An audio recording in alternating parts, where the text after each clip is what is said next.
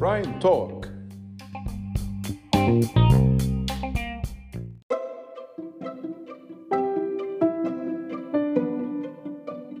السلام عليكم ورحمة الله وبركاته. أهلا بكم في حلقة جديدة من Prime Talk من بحوث Prime معاكم عمرو حسين الألفي رئيس قسم البحوث بشركة Prime لتداول الأوراق المالية.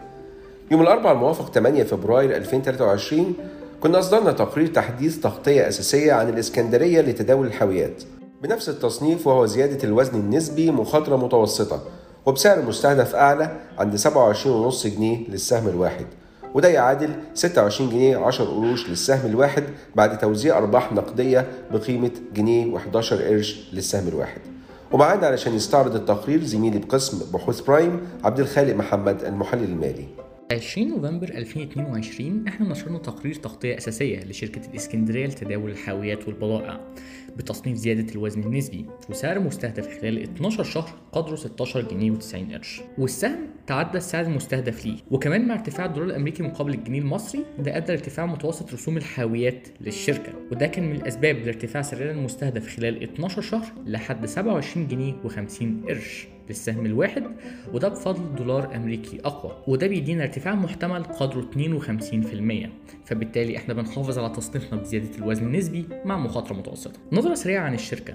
اسكندرية تداول الحاويات هي مشغل لوجستي ذو هوامش مرتفعة. ومستفيد جدا من الدولار الأمريكي الأقوى مقابل الجنيه المصري كمان مع مع وجود سياسات توزيع مستقرة للأرباح تعتبر خيار كويس جدا للمستثمرين اللي بيبحثوا عن أسهم الدخل. علاوة على ذلك الصناديق السيادية الخليجية كانت مهتمة جدا بالشركة حيث إن استحوذت ألفا أوريكس المحدودة ومقرها الإمارات العربية المتحدة والتابعة لأبو ظبي القابضة والشركة السعودية المصرية للاستثمار وهي شركة تابعة لصندوق الاستثمارات العام السعودي استحوذوا على حصص بقدر 32% و20% على التوالي في الشركة بسعر 6 جنيه و15 قرش و10 جنيه و14 قرش للسهم الواحد على التوالي. الفترة الجاية هي فترة مهمة جدا لقطاع اللوجستيات، حيث إن وافق مجلس إدارة كل من شركة بورسعيد لتداول الحاويات ودمياط لتداول الحاويات على طرح جزء من الشركتين في البورصة المصرية برأس مال يقدر ب 164 مليون جنيه للأولى ورأس مال 200 مليون جنيه للثانية. وعلى نفس السياق كان في بعض الأخبار الفترة الماضية إن جهاز قطر للاستثمار مهتم بالاستحواذ على حصة أغلبية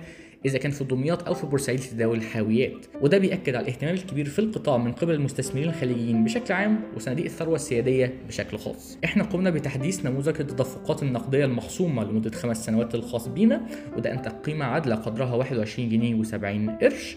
وسعر مستهدف خلال 12 شهر قدره 27 جنيه و50 قرش وده بفضل دولار أمريكي أقوى وده بيعني ضمنيا مضاعف ربحية قدره 9.8 مرة مع ارتفاع محتمل بنسبة 52%. من المحفزات الرئيسية هي المزيد من التخفيض في قيمة الجنيه المصري والنمو المتوقع في أحجام وقيم التجارة.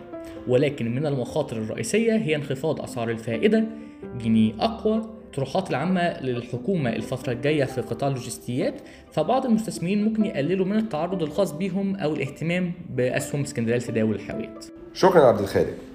وفي نهاية الحلقة بنوجه عناية حضراتكم لصفحتنا على فيسبوك الأسهم المصرية مع برايم اللي ممكن تطلعوا منها على كل تقارير بحوث برايم ومن ضمنها التقرير اللي اتكلمنا عنه النهارده وممكن التواصل مع شركة برايم لتداول الأوراق المالية على رقم تليفون 33 صفرين 57 صفرين.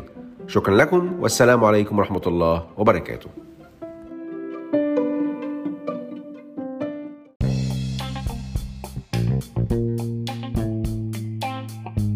يرجى العلم أن هذا العرض هو لأغراض معرفية فقط، ولا يمكن اعتباره عرض أو توصية شراء أو بيع أو إدارة استثمارات أو خدمات استشارية. ينصح باستشارة مستشارك المالي قبل اتخاذ أي قرار استثماري، علماً بأن الأداء التاريخي ليس مؤشراً يعتمد عليه لتحديد الأداء في المستقبل.